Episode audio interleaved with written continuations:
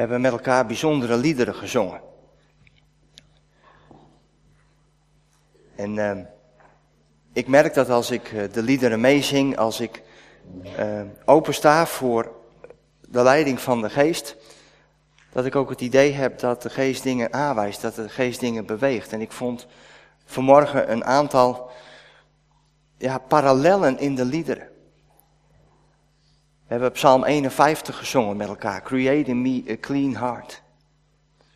En op een gegeven moment komt daar zo'n stukje in voor van Cast me not away from thy presence.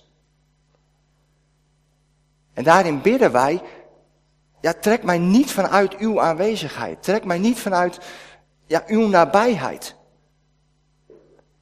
En ik weet niet hoe jullie dat hebben gezongen vanmorgen. Maar heel vaak, op het moment dat wij dat lied zingen en op het moment dat wij iets in ons leven ervaren wat niet goed is, dan voelen wij afstand tegenover God. Wij voelen dat God niet meer in onze nabijheid kan zijn. En daarom hebben we het idee dat we moeten bidden van, ja, trek ons niet vanuit die aanwezigheid van God. Maar als je kijkt naar wat er in Psalm 51 staat, juist net in die verse, dan staat er in Psalm 51 vers 12, schep o God een zuiver hart in mij. En dat bidt David dus nadat hij met Bathsheba heeft geslapen. Een vrouw die niet zijn vrouw was. Waar een moord op volgde, omdat hij toch Bathsheba tot zijn vrouw wilde nemen. Dus het klinkt wel heftig. Schep, o God, een zuiver hart in mij, vernieuw mijn geest, maak mij standvastig. En dan die woorden, vers 13, verban mij niet uit uw nabijheid. En let even op in welke taal, in welke tijd deze woorden geschreven zijn. Verban mij niet uit uw nabijheid. David weet dat wat hij gedaan heeft, dat overspel met Bathsheba en het vermoorden van Uria. Hij weet dat dat in potentie kan zorgen voor het verbreken van die relatie die hij met God heeft. Hij weet dat. Maar hij wil het niet. En hij vraagt God om vergeving. Maar verban mij niet uit uw nabijheid. Dat zegt hij daarna. Met andere woorden, hij vraagt vergeving in die nabijheid die hij nog steeds ervaart met God. En op het moment dat we dan dat volgende lied van vanmorgen zingen. Van wat ik verberg in mijn hart. Heel vaak hebben wij het idee dat als wij iets verbergen in ons hart, dat we uit de tegenwoordigheid van God zijn. En dat als wij iets verbergen in ons hart, dat God daar niet bij kan. Maar in essentie is het genade van God. Dat wij recht hebben op onze eigen keuze. En als wij iets verbergen willen voor God, dat Hij ons daar vrij in laat. Maar dat wat wij verbergen, doet niks af aan dat God regeert. En het doet ook niks af aan dat God altijd in nabijheid van u, jou en mij wil zijn. En daarom de introductie, de thema, de stelling van vanmorgen. In een ontmoeting met Jezus ligt een antwoord voor al jouw problemen. In een ontmoeting met Jezus ligt een oplossing voor alles waar jij op dit moment tegenaan loopt.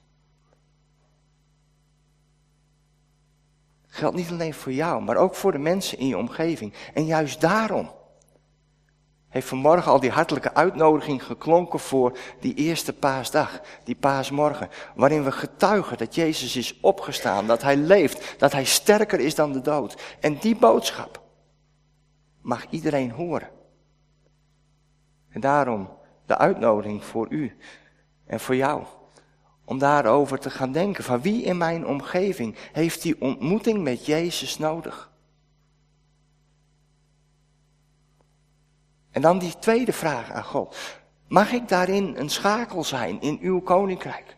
Want als u regeert, wat we net zo intens hebben gezongen, dan regeert u ook over die persoon die ik op dit moment in gedachten heb.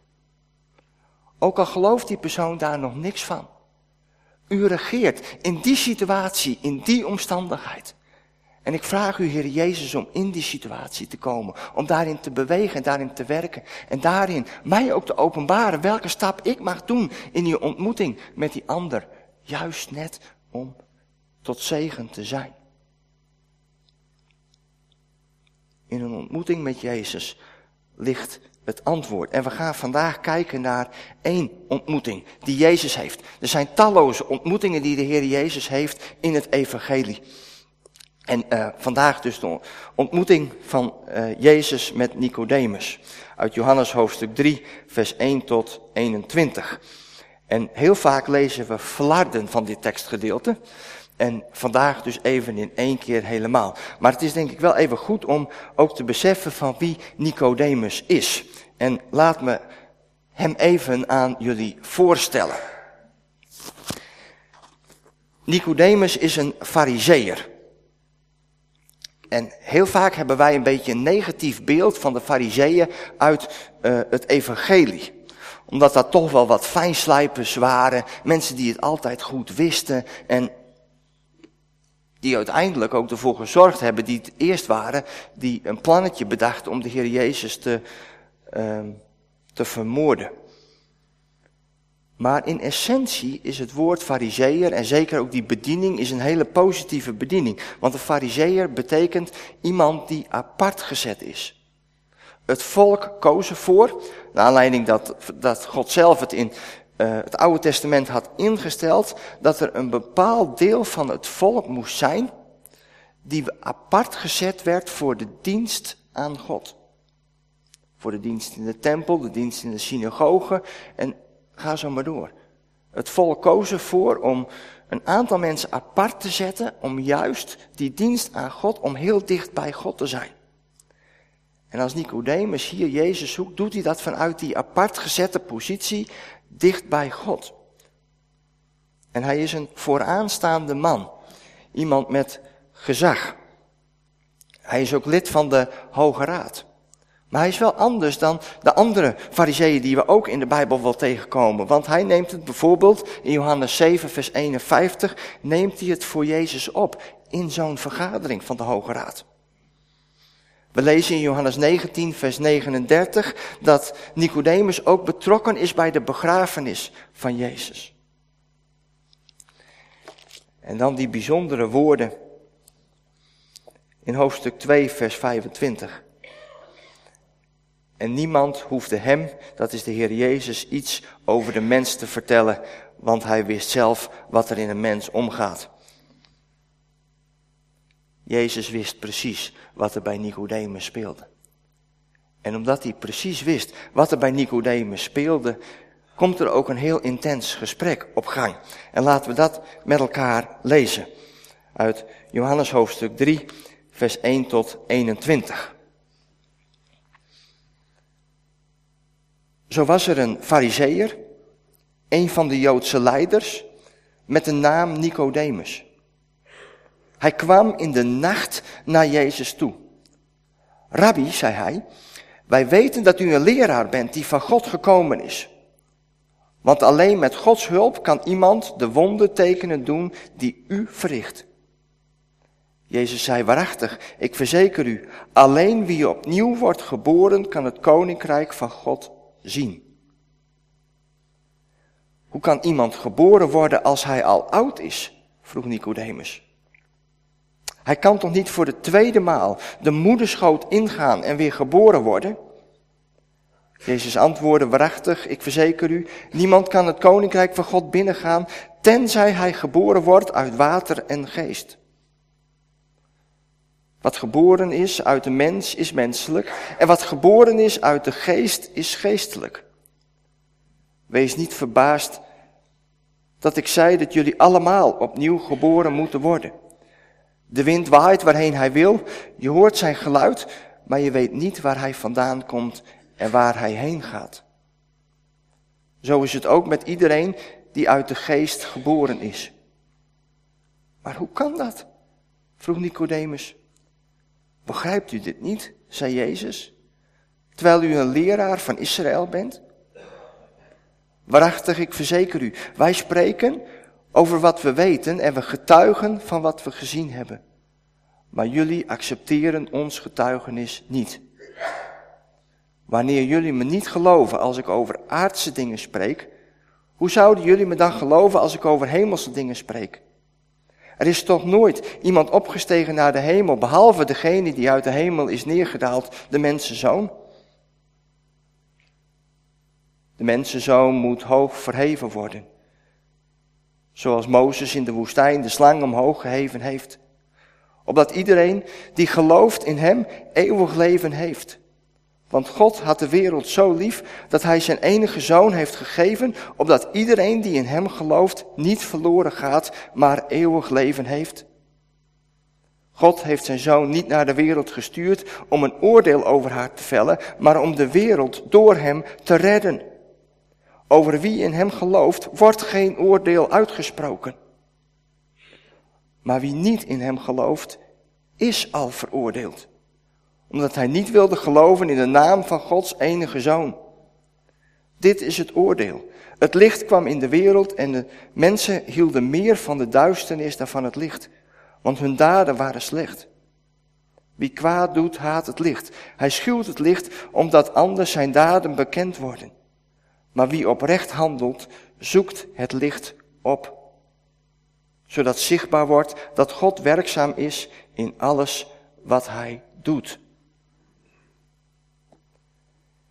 Heere God, het zijn bijzondere woorden, rechts uit uw hart, tot ons vanmorgen. En help ons, Heere, als we erover nadenken. Dat uw perspectief, uw woorden, diep in ons hart, diep in ons binnenste doordringen.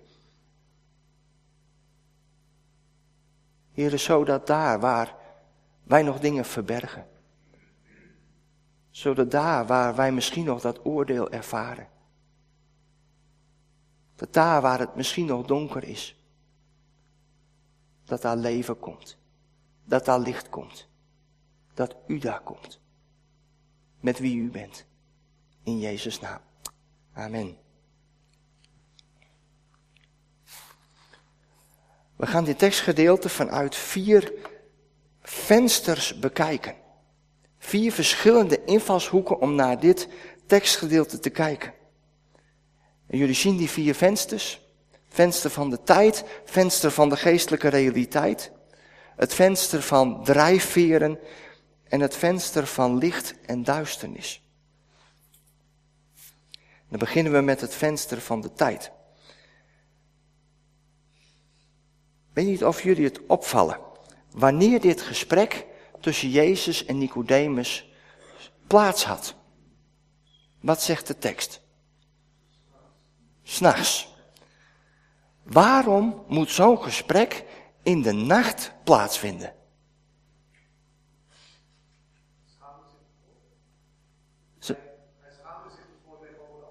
Hij schaamde zich ervoor tegenover de ander. Dat is inderdaad het eerste waar je eigenlijk aan denkt. Als wij in onze tijd midden in de nacht ergens naartoe gaan, dan is dat waarschijnlijk, heeft dat, heeft dat te maken met dat het de daglicht niet kan verdragen. Maar hoe anders was het in die tijd? Wij zullen ervaren dat overdag is er altijd wat. Is er altijd wat drukte, is er altijd leven. En het is heel moeilijk om overdag een moment van rust te vinden om echt elkaar van hart tot hart te ontmoeten. Van de Joodse leiders is bekend dat als zij echt iets belangrijk vonden, als ze echt de tijd nodig hadden om iets diepgaand te onderzoeken, dat ze dat bij voorkeur in de nacht deden. En als hier in dit tekstgedeelte staat dat hij in de nacht naar Jezus toekomt, is het heel waarschijnlijk dat, dat we dat heel positief zouden moeten waarderen. Dat het dus niet iets schimmigs achteraf is, maar dat het iets positiefs is. Dat Nicodemus echt de tijd wil nemen om te doorgronden de vragen die hij heeft. En dan ook even de vraag aan ons. Jezus neemt tijd. Jezus neemt de tijd voor deze ontmoeting met Nicodemus. Als je door Evangelie bladert, had Jezus over het algemeen een redelijk intensief programma overdag. Vaak stond hij ook nog vroeg op om in alle vroegte nog even bij zijn vader te zijn, zodat hij de dag door kon. Maar hier neemt hij ook nog de tijd om in de nacht door te gaan. Nou, dat vind ik een geweldig eigenschap. Jezus heeft de tijd. Sterker nog, Jezus staat boven de tijd. Sterker nog, hij is God, dus reken maar dat zijn timing van de tijd ook nog perfect is. Maar dan de vraag naar ons. Hoe vaak nemen wij de tijd? Zouden wij aan de tijd die wij ergens aan besteden ook kunnen zien hoe wij belangrijk, hoe wij iets belangrijk vinden? Ik herinner me nog een moment dat het bij ons thuis, toen ik een tiener was, dat het niet lekker liep. En um, vanuit diezelfde ja, kern waar ik diep van binnen van overtuigd ben dat in een ontmoeting met Jezus een oplossing ligt voor alle problemen, ben ik s'avonds begonnen met bidden. En ik heb als het ware tegen God gezegd, ik hou niet eerder op met bidden, niet eerder stop ik met het lezen uit de Bijbel, voordat ik de overtuiging heb dat u een antwoord hebt gegeven in die situatie waarin ik zat. Ik weet nog dat het kwart voor drie was. Dat ik die overtuiging kreeg. Dat ik lang genoeg met Vader in de hemel had gesproken. Lang genoeg, als het ware, Psalm 51 doorbeden had, ook in mijn eigen leven. Dat ik het idee had, hé, hey, nu is het goed. Nu breekt God door in die situatie waarin wij als gezin zaten. En het was bijzonder dat ik ook vanaf dat moment merkte dat er dingen veranderden bij ons thuis.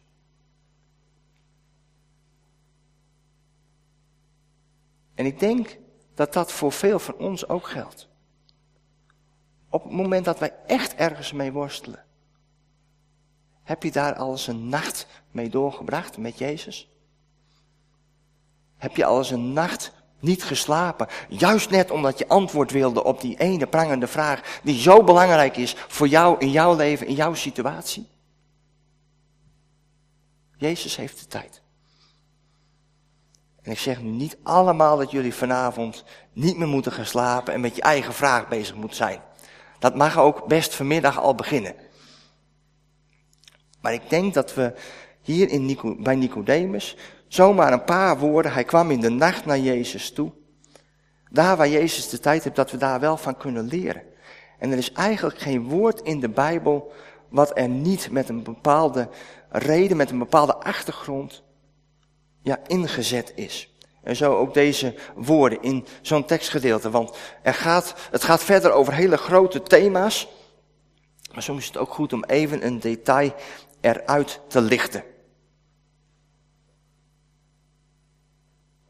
In de ontmoeting met Jezus ontmoet je een expert in timing. En reken maar dat wat Jezus, wat God doet in jouw leven, dat dat ook altijd op het juiste moment is. Dat was het eerste venster. Het tweede venster is het venster van de geestelijke wereld. En dat is wel een bijzonder, ja, een bijzonder venster ook. Ik weet niet, als jullie dit tekstgedeelte lezen en als jullie het, als jullie het horen, als ik het voorlees, het lijkt ongeveer, het lijkt wel bijna een politieke discussie die hier plaatsvindt. Soms zie je op tv een politieke discussie tussen de VVD aan de ene kant en Denk aan de andere kant, dat je het idee hebt, volgens mij praten ze over hetzelfde, maar ze hebben geen idee dat ze het over hetzelfde hebben. Hebben jullie dat niet als jullie soms politici tegen elkaar horen spreken? Ik zie wat geknik en instemmend gelach. Dat is heel goed. Nou, eigenlijk gebeurt dat hier ook. Jezus heeft het over opnieuw geboren worden. En Nicodemus denkt van, hoe moet ik mij gaan opvouwen om weer in die buik van mijn moeder te kruipen die misschien ook al niet eens meer leeft? Ik snap er niks van. He, twee totaal verschillende bewegingen, twee totaal verschillende werelden. En dan die verbazingwekkende uitspraak van Jezus. In vers 10, begrijpt u dit niet, zei Jezus, terwijl u een leraar van Israël bent. Begrijpt u niet waar het hier over gaat? En ik probeer het nu even schematisch op het uh, scherm te zetten. Ook even Johannes 3, vers 12. Want wanneer jullie me niet geloven als ik over aardse dingen spreek, hoe zouden jullie me dan geloven als ik over hemelse dingen spreek? Met andere woorden, Jezus zegt hier dat dit, dit tekstgedeelte echt een sleutel ligt voor Nicodemus om de wereld, om de omgeving te, ja, te snappen, maar ook voor ons. En laat ik het even schematisch uitdrukken. Schematisch laten zien. Ik hoop dat jullie het allemaal kunnen zien. Jullie zien hier twee rechthoekige vlakken.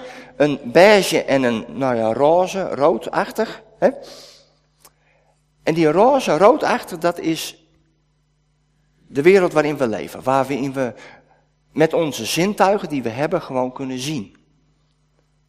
Dat is het hier en nu. Zoals wij met elkaar spreken. Dat is het zichtbare wereld. Dat is die aardse dingen waarover Jezus spreekt. Maar Jezus zegt in dit tekstgedeelte, maar ook op andere plekken, dat er nog een andere realiteit is, namelijk een geestelijke realiteit. En die geestelijke realiteit is groter, of die omvat de natuurlijke wereld. Die geestelijke wereld is groter. En dat is de realiteit van waaruit Jezus spreekt in dit tekstgedeelte.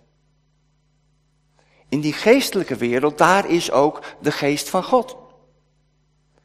En op het moment dat wij als mensen communiceren met die geestelijke wereld, doen we dat door middel van onze geest.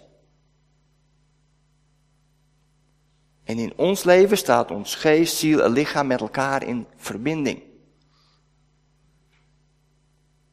En als Jezus hier onderwijs geeft over het opnieuw geboren worden, dan spreekt hij over de overgang tussen de natuurlijke wereld en de geestelijke wereld. Alleen door opnieuw geboren te worden, word je onderdeel van die geestelijke realiteit. Dat is wat Jezus hier in essentie probeert uit te leggen aan Nicodemus. En je ziet in de antwoorden die Nicodemus geeft, dat hij nog helemaal in de natuurlijke wereld leeft en daaruit redeneert. Daarom zegt hij, hoe kan ik opnieuw geboren worden? Moet ik dan opnieuw in de buik van mijn moeder komen?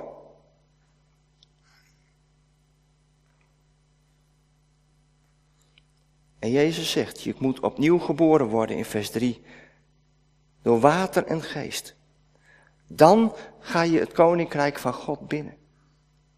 En dan ga je ook ervaren wat het verschil is tussen de menselijke wereld, tussen de natuurlijke wereld en de geestelijke wereld.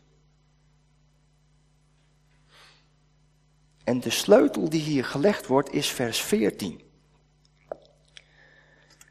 En ik hoop, maar laat me dat uitleggen. In vers 14 staat, de mensenzoon moet hoog verheven worden, zoals Mozes in de woestijn de slang omhoog geheven heeft. Opdat iedereen die in hem gelooft, in hem eeuwig leven heeft. Staat er in Johannes 3, vers 14 tot 15.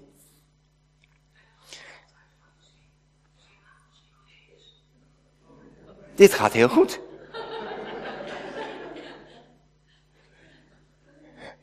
Dit gaat heel goed.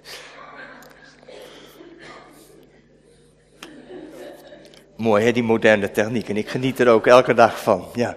Uh, maar we gaan nu even terug in de tijd. Toen er nog geen mobiele telefoons waren. Toen het volk Israël onderweg was van Egypte naar het beloofde land Israël. En dat is, nou, heel wat jaren geleden. Op een gegeven moment is daar een situatie in de woestijn. als ze onderweg zijn, dat het volk weer in opstand komt. Dat ze eigenlijk niet de belofte van God geloven dat ze al heel snel daar in het beloofde land komen.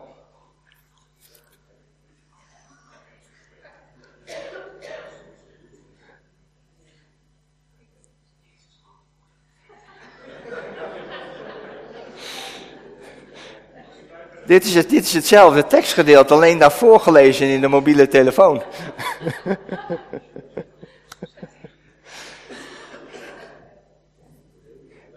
Het klopt geloof ik wel met de woorden die ik gesproken heb. Dus dat is, uh, dan hebben we de eerste toets hebben we gehad uh, vanmorgen.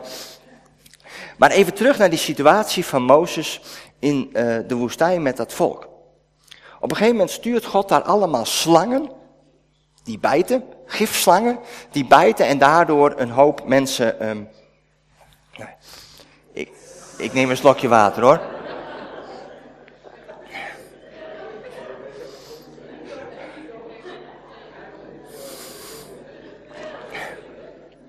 Ja.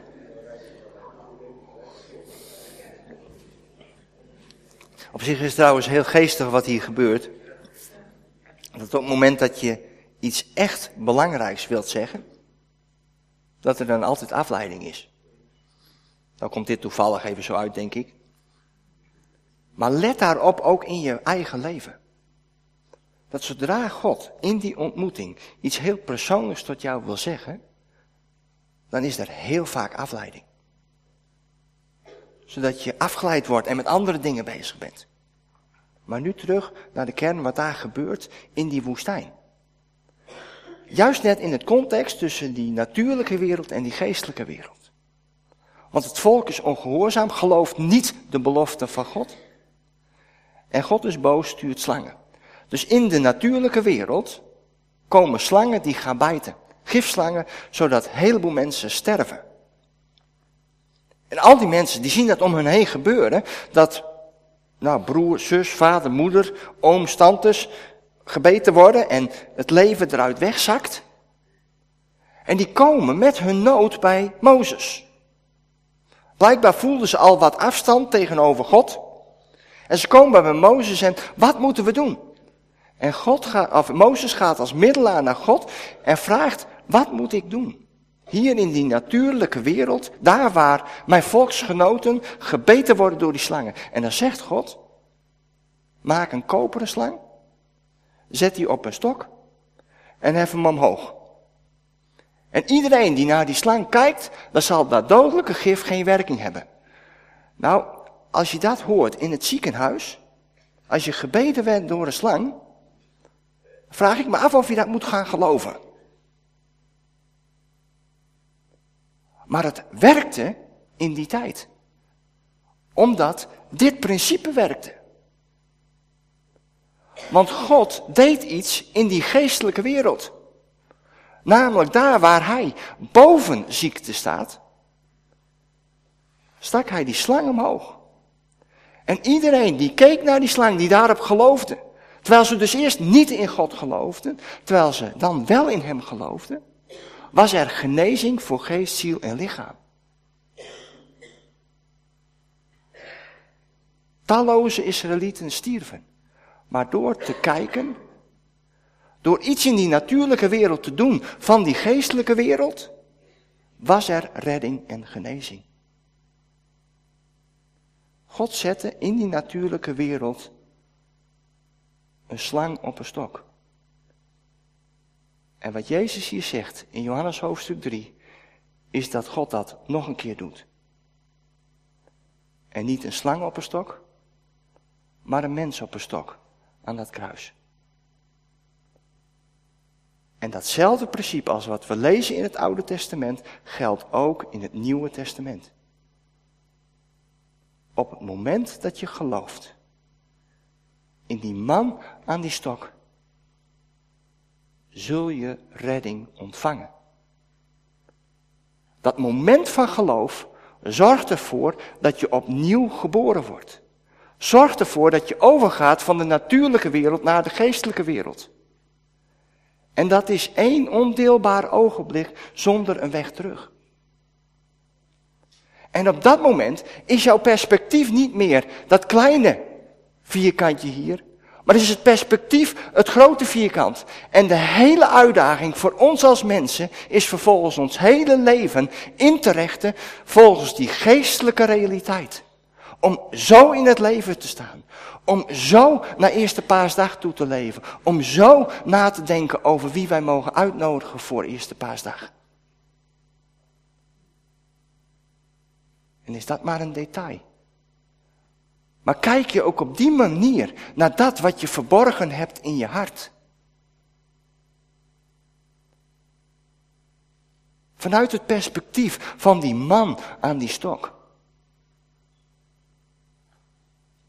En dat brengt me bij het volgende drijfveer. Het volgende venster, het venster van de drijfveren. Want dan komen we bij vers 16. De bekende tekst. Want God had de wereld zo lief dat hij zijn enige zoon heeft gegeven, opdat iedereen die in hem gelooft niet verloren gaat, maar eeuwig leven heeft. En heel vaak gaat het hier over geloof en over eeuwig leven. Maar kijk eens wat daarvoor staat. Want God had de wereld zo lief dat hij zijn enige zoon heeft gegeven. In de ontmoeting met Jezus leren we Vader kennen. En we zien hier iets over de drijfveren. En misschien hier onderstreept, God had de wereld zo lief om niet een oordeel te sturen, maar om de wereld door hem te redden. Misschien kennen jullie dit plaatje over drijfveren. Heel vaak zien we, als we in gesprek zijn met elkaar, zien we wat boven de oppervlakte is, boven de wateroppervlakte. Wat we doen, we zien gedrag in elkaar. Maar daaronder liggen overtuigingen en normen. Wat je vindt. Wat je vindt bepaalt je gedrag. Maar zelfs daaronder ligt nog wat anders.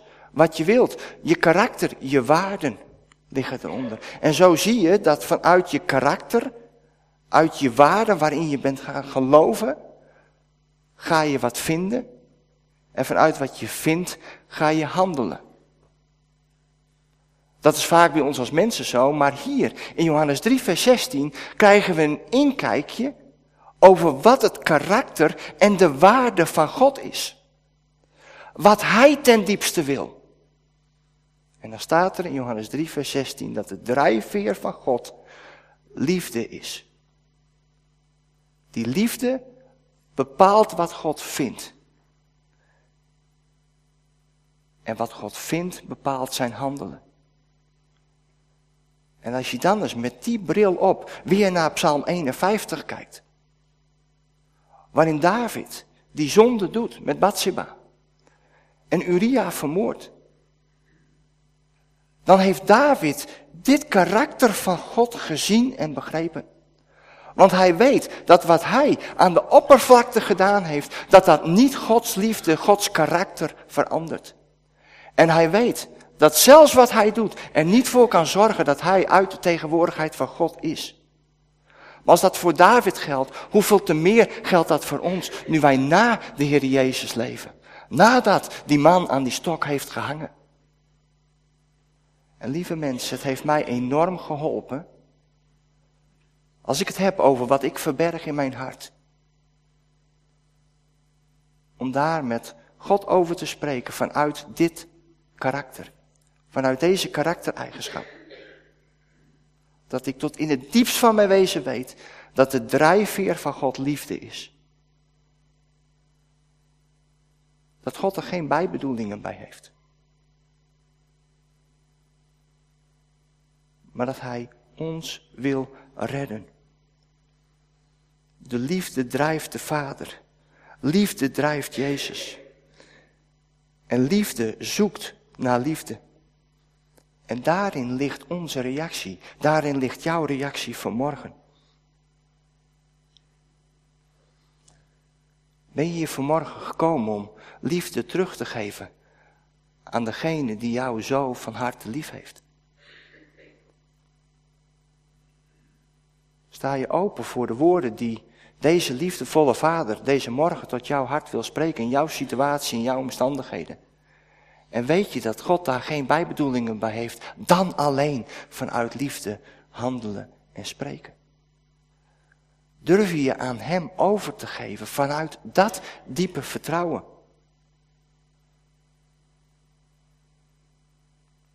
dan staat er in 1 Johannes 4, vers 18.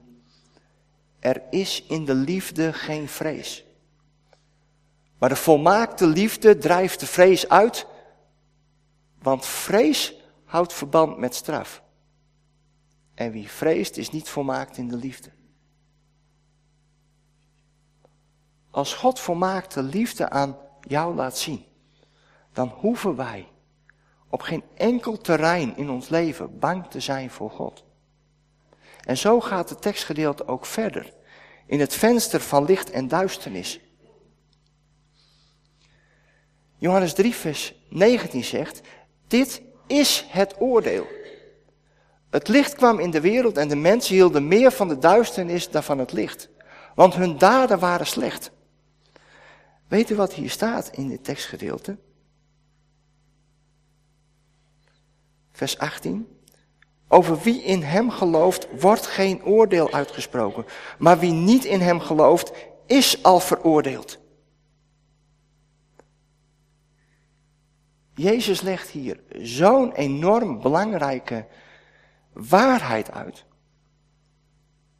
De waarheid van het oordeel. Wij zijn als mensen, zeker in de tijd hoe wij groot geworden zijn, bang voor oordeel, bang voor straf. Wij hebben het idee dat God oordeelt, dat God straft.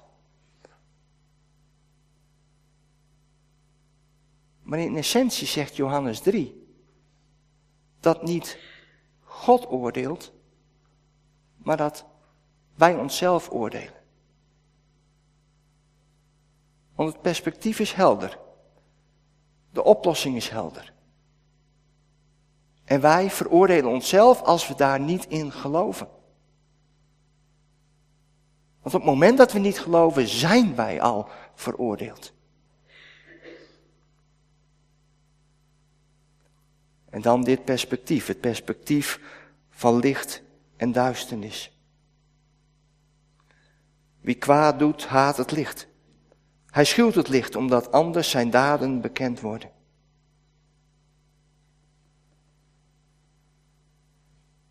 Dat is de ene kant van dit plaatje. Wie kwaad doet, haat het licht.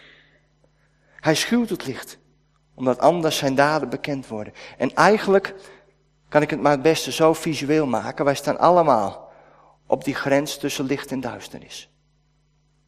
En op het moment dat je daar staat, heb je de keus. Wat je doet.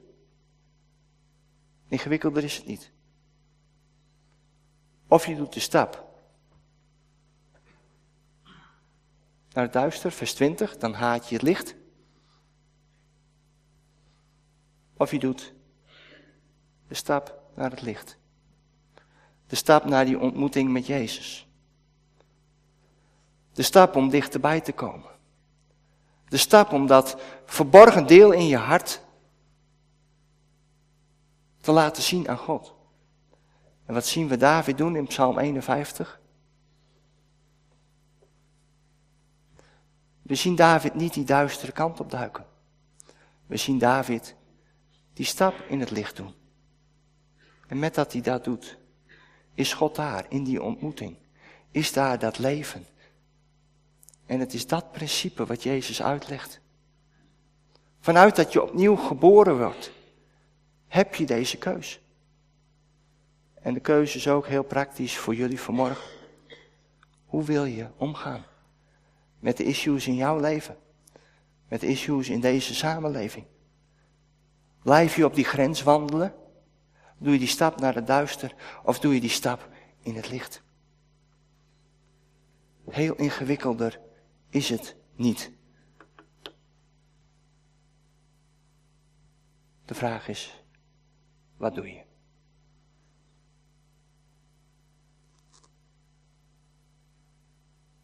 Zullen we bidden?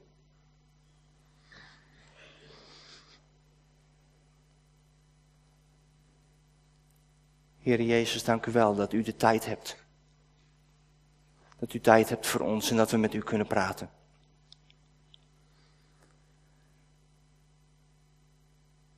Dank u wel, heren, dat u, dat u ruimte heeft in uw hart om heel persoonlijk met ons aan de slag te gaan. En dank u wel, heren, dat u nog nooit iemand teleurgesteld hebt die bij u is gekomen.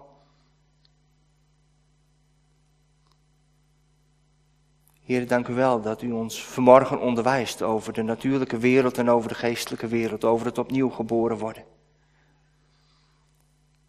Dat u in onze natuurlijke wereld het symbool van het kruis hebt neergezet, waaraan u zelf bent gaan hangen. Waarin u hebt geleden.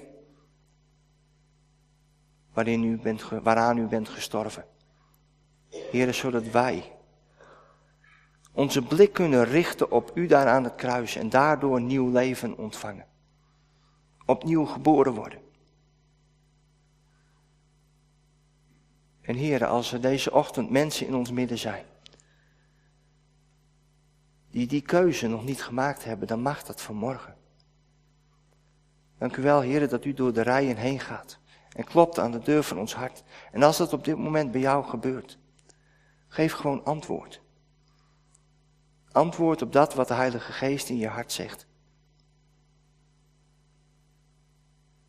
Dan mag je zeggen, ik geloof. Ik geloof dat Jezus dat aan het kruis ook voor mij deed.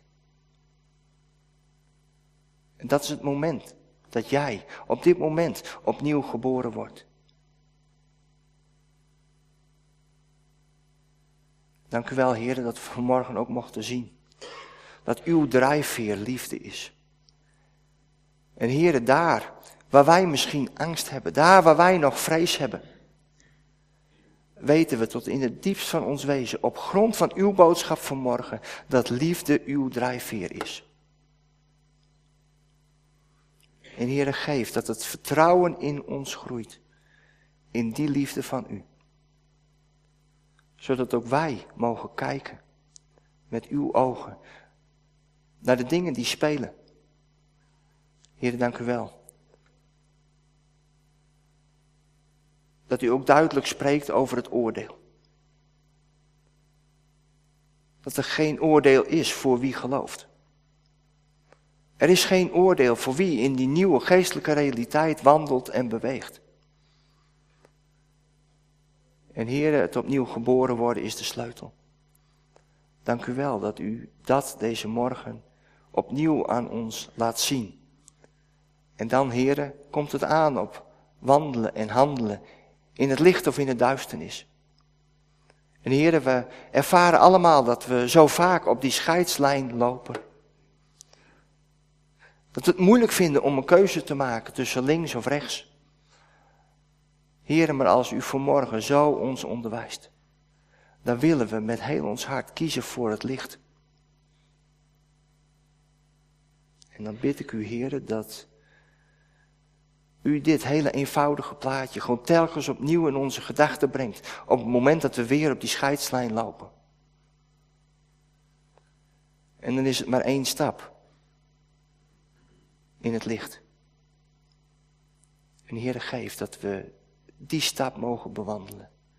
Die stap in die ontmoeting met u. Die stap in die ontmoeting met elkaar. Die stap om dichterbij te komen. Heer, we weten dat daarin werkelijk waar de oplossing ligt voor alles waar we in ons leven tegenaan lopen. En Heer, geef geloof dat we ons daaraan durven overgeven. Heer is mijn gebed. Voor ons allemaal. In de naam van Jezus. Amen.